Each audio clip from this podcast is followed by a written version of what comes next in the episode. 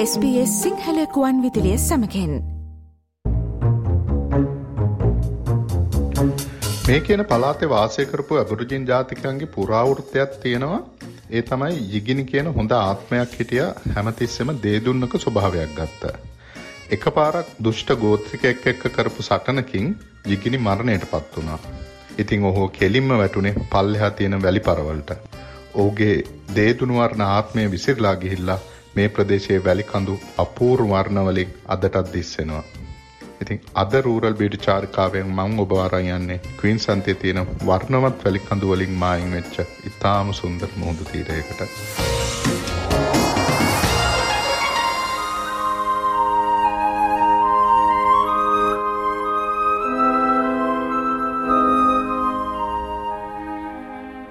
ඔස්ට්‍රේලියාව කියන්නේ මහද්වීපයක් වගේම විශාල දූපතක්. ඒ වගේම ප්‍රධාන දූපත වටේට තවත් ලොකු කුඩා දූපත් අටදාහකට වැඩියෙන්න තියෙනවා. ඉතින් මේ වගේ රටක් වටේ ඉතාමත් දිගු මුහුදු තීරයක් වගේම අපූරු මුහුදු වෙරළවල් රාශියක් තියෙන එක අහන්නත් දෙයක් නෙවෙයි. ඉන්දියන් සාගරයටත් ශාන්තිකර සාගරයටත් දක්ෂිණ සාගරයටත් මැදිවෙච්ච ඔස්ට්‍රේලියාවේ කිලෝමීටර් තිස් හතරදාහක විතර මුහුදු තීරයක් සහ ඒදිගේ දහසකට ආසන්න කලපු තියෙන බව තමයි නිල වාර්තාවල සඳහන් වෙන්නේ. මුහුදු වෙරලවල් එහෙම නැතම් බීච් විතරක් දොළොස් දාහක් විතර තියෙනවා.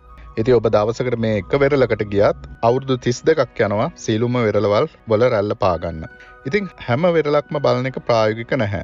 ඒ වගේම සමහර වෙරලවල් සාමාන් පුද්ගලෙකුට යන්නත් බෑ.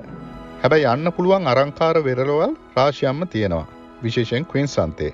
ඉතිං අපි අද යන්නේ අන්න ඒ වගේ ඉතාම සුන්දර වෙරලකට එහෙමන්නත්තම් මුහුදු තීරය දිගේ තියෙන පාරාදීසයකට ඒ තමයි රේන්බෝ බීච්. රේන්බෝ බීච් කියන්නේ වෙරලක් වගේම ඒ නමින්ම හැඳින්වෙන කුඩා ප්‍රදේශයක්. ඒක තියෙන්නේ බ්‍රිස්බෙන් ඉඳන් ගත්තොත් පැය තුනක විතර දුරින්. කිලෝමීටර් දෙසිය හැටක් විතර තියෙනවා බ්‍රිස්බෙන් වල ඉඳලා. බ්‍රිස්බෙන් ඉඳන් උතුරට යන බෘස් හයිවේ පාර දිගේ ගිම්පිවලට ගිහිල්ලා එතනින් රේන්බෝ බීච් පාරට වැටිලා දිගටම ගියාම තමයි මේ සුන්දර වෙරළ තීරයේ තියෙන කුඩා නගරයට යන්න පුළුවන්. එහෙම යන්න තියෙන්නේ විශාල වනාන්තර මැදින්. පාර දෙපැත්තේ කැල ඇලි කල්ලා දැන් විශාල පයිනස් වනාන්තරත් වවලා තියෙනවා. ග්‍රේට් සැන්ඩි නැශනල් පාක් එක තමයි රේන්බෝ බීච් ප්‍රදේශය පුරාවට පිටුපසින් විහිදිලා තියෙන්නේ. රේන්බෝ බීච්චකට මම කීපසරයක් ගිහිල්ල තියෙනවා සමහර වෙලාවට රාජකාරිවලට වතාවත් දෙකක් පවුලු සහ මිතුරන්න එක්ක. ඒ හැම සැරීම මට හැඟී ගියේ රේන්බෝ වෙරල අපූර් පාරාදීසයක් කියලා. රේන්බෝ බීච්චකේ වෙරල හරිම දිගයි ඒ වගේම පලලයි. මූදෙ වතුරත් බොහොම පිරිසුදුයි. නාන්න පීනන්න කියාපු තැනක්. ඒ වගේම ගොඩබිම් පැත්තෙන් තියෙන්නේ වෙන කොහේවත් දකිින් නැති විදිිය වයිවර්ණ වැලි කඳු. හම්බැක් තල්මසුන්ගේ පර්යටන කාලදි රේන්බෝ වෙරලේ ගොඩබිම වැලි කඳුවලට හෙලින් තියෙන නිවාඩු නිකේතනවලින්දං තල්මසුන් වෙරලට නුදුරින් පීනනවා බලන්න පුළුවන්. ඒ වගේම රේන්බෝ වෙරලට හැරින් නැතුව වම් අත පැත්තර ගියොත් තින්කෑන් බේ කියන තවත් ලස්සන මූදු ප්‍රදේශයකට යන්න පුළුවන්. මේ දෙක අතර විශාල කලපුවත් තියෙනවා.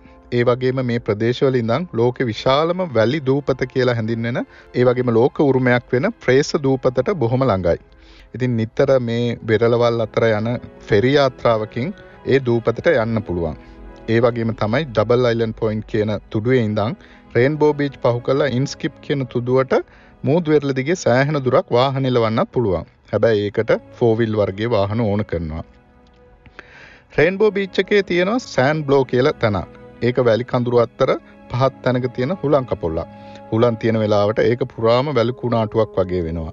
ඒ වගේ මේක වැල්ලෙන් පිරුණු මූදුවෙරලට බෑවුන්ගෙන හරිම අපූරු තැනක්.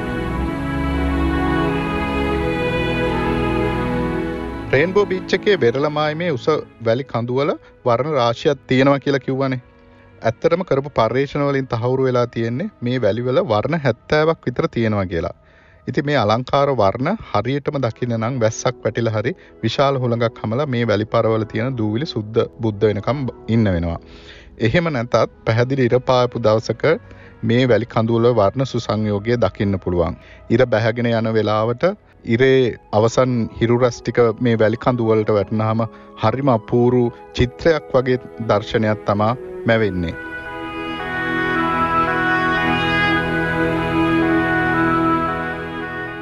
මේ වැලිවල විවෘධ වර්ණයන්ට හේතුව තමයි ඒ වගේ විවිධ කංජ ද්‍රව්‍ය අඩංගුවීම. ඉතා වටින් ටයිටේනියම් සර්කෝනියම් කියන කනිජ ද්‍රව්‍යත් මේ අතර තියෙනවා. ඉති මේ වැලිවල තියෙන කනිජ ද්‍රව්‍ය නිසායි ඉදිකිරීම් කර්මාන්තයට අවශ්‍ය පිරිසිදු වැලි ලබාගන්නයි කාලෙකට කලින් රේන්බෝ බිච්චගේ මහා පරිමාණ වැලි කැනීමක් පටන් ගත්තා.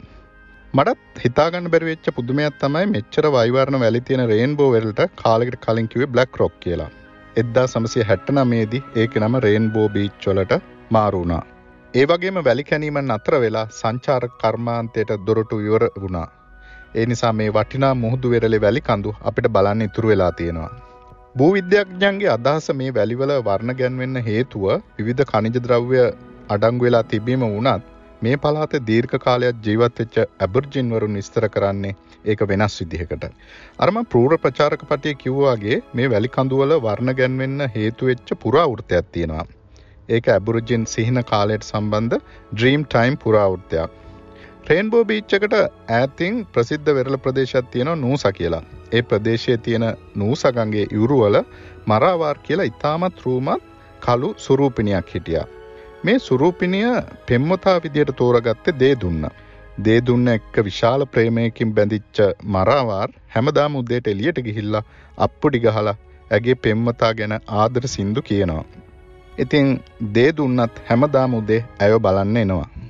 වෙනත් ගෝත්‍රයක හිටපු බුර්විලා කියන නපුරා මේ පෙම්මතුන්ගේ ආදරය දැකලා ඊර්ෂ්‍යාවට පත්වෙනවා.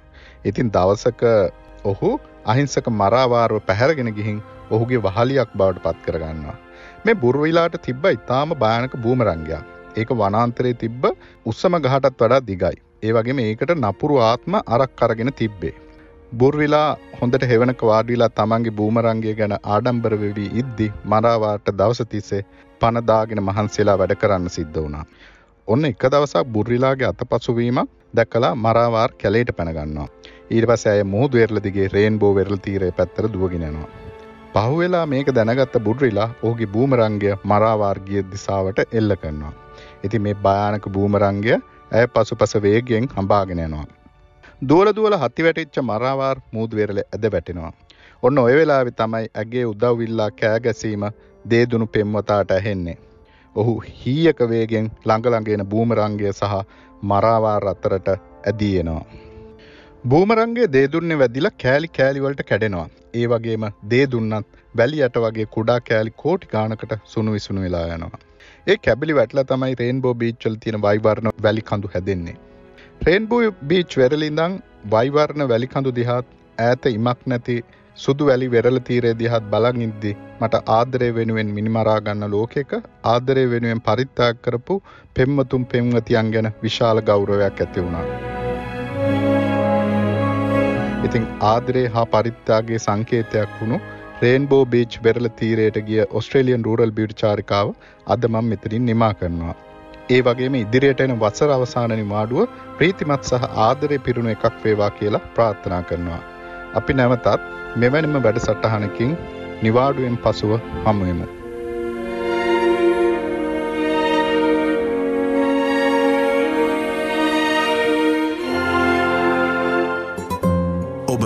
SBS සිංහල ගුවන්විතලය සමගින්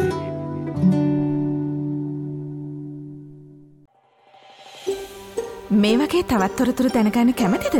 එහෙමනම් Apple podcast Google podcast Spotify ඔබගේ පොඩ්කාස්ට ලබාගන්න ඕනෑම මාධ්‍යයකින් අපට සවන්දය හැකේ.